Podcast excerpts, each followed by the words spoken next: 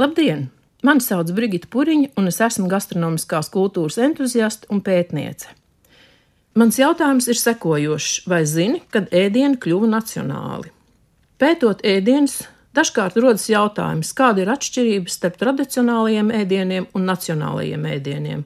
Kas tad īsti nosaka to, kurš ēdiens ir tradicionāls, bet kurš nacionāls?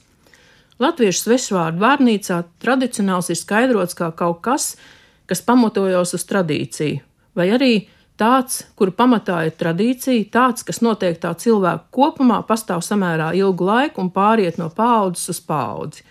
Tātad tradicionāls ēdiens ir ēdiens, ko noteikti cilvēku kopiena patērē ilgu laiku, un gatavošanas prasmes un receptes nodod no paudzes uz paudzi.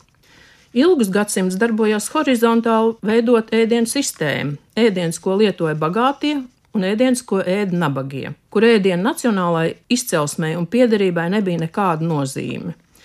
Līdz 17. gadsimta beigām zemnieki galvenokārt ēda putru, maizi un ko paši sev varēja izaudzēt, bet dažādos literatūras avotos aprakstītie smalkie ēdieni attiecās tikai uz aristokrātiju un tai pietuvinātu sabiedrību. Šī sistēma darbojās līdzīgi visā Eiropas teritorijā, tā skaitā arī senajā Latvijas teritorijā. Sākot ar 18. gadsimtu, līdz ar apgaismības laikmetu filozofijas izplatību, labklājības celšanos, turīgās vidusšķiras veidošanos un Eiropas valstu nacionālo attīstību, parādījās arī vertikālais iedalījums, kas palīdzēja atšķirt dažādu valstu virtuvi un iespēju identificēt tās ar ēdienu veidiem. Tas nozīmē, ka dažādās kopienās tradicionāli lietot ēdieni savu nacionalitāti ieguva līdz ar nacionālo valstu attīstību un robežu iezīmēšanu. Turīgās vidusšķiras rašanās, kas tiecās pēc smalkiem ēdieniem, nevis pēc putras un plāciņiem, mainīja ēdienu iedalījumu bagātajiem un nabagajiem.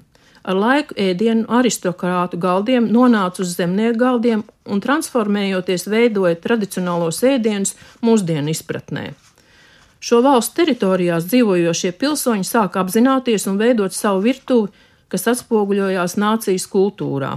Tā aizsākās virtuves klasificēšana pēc nacionālās piedarības, piemēram, franču virtuve, itāļu virtuve, vācu virtuve, kā arī latviešu un citas. Latviešu svešvārdu vārnīcā ir teikts, ka nacionāls ir tāds, kas attiecās uz nāciju, tautību, tautu, ir tam raksturīgs, vai arī nacionāls ir nācijai vai nacionalitātei piederīgs. Enciklopēdijā par ēdienu un kultūru ir norādīts, ka virtuve un nācija ir cilvēka mākslīgi radīts veidojums, viņu gribas un iztēles materiālās kultūras piemineklis. Ārēji tie attiecās uz materiālām lietām, uz zemi, dabas resursiem, konkrēti geogrāfisko atrašanās vietu un vietējiem produktiem. Šādā aspektā raugoties, nācija stāsta par vietu, bet virtuve stāsta par ēdienu.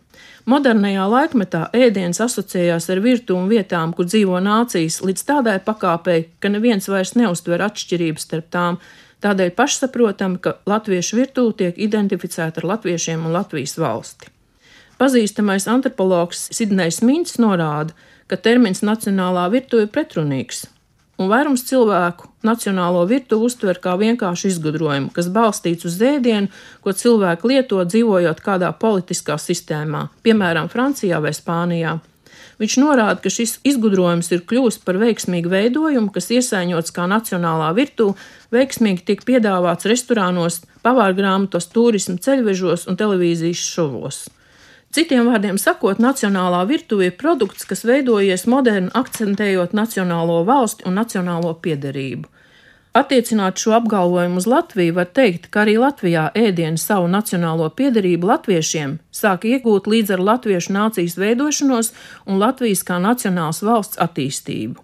Jāpiekrīt, ka ēdieni, kuriem piešķirt nacionālā ēdienu status, asociējās ar konkrētu vietu un nāciju, bet neatkarīgi no tā, vai konkrētais ēdiens tiek dēvēts par seno zemnieku ēdienu, veco tautisko ēdienu, tautas ēdienu, tradicionālo ēdienu vai nacionālo ēdienu, ēdienu kvalitāte un garš nemainās.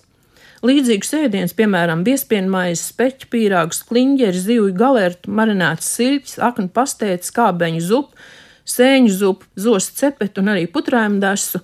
Savās grāmatās Linda Dumpa dēvē par latviešu tautas ēdieniem, Siliņš tos dēvē par tautas virtuvi, Melnāksns par vecajiem tautiskajiem ēdieniem, Ņina Masaļūna par latviešu nacionālajiem ēdieniem, bet švāģeris vīksni par latvisko moderno virtuvi. Tomēr atkarībā no tā, kā ēdiens tiek dēvēts, veidojas vēstījums un priekšstats par tā nozīmīgumu kādā konkrētā vēstures periodā, tautas dzīvē un kultūrā.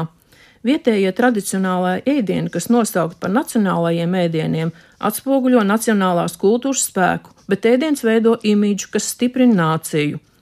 Līdz ar labklājības celšanos un kultūras attīstību 19. gadsimta beigās gastronomiskās kultūras attīstības procesi, līdzīgi kā citur Eiropā, skāra arī Latvijas teritoriju.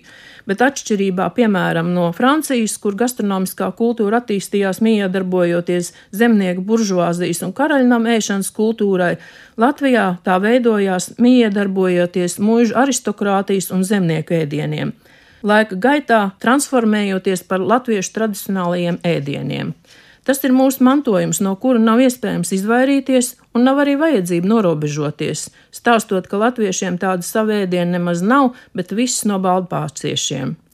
Tas ir mūsu mantojums, ar kuru jālepojas līdzīgi kā rundāls pili.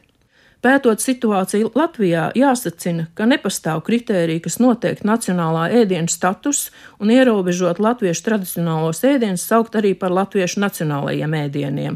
Un atliek vien pašiem izvēlēties, kuriem tradicionālajiem ēdieniem piešķirt nacionālā ēdienu statusu. Šie ēdieni veido nāciju apdzīvoto teritoriju gastronomiskās kultūras pamatus, un ēdiens ir viens no nācijas kultūras izpausmes veidiem.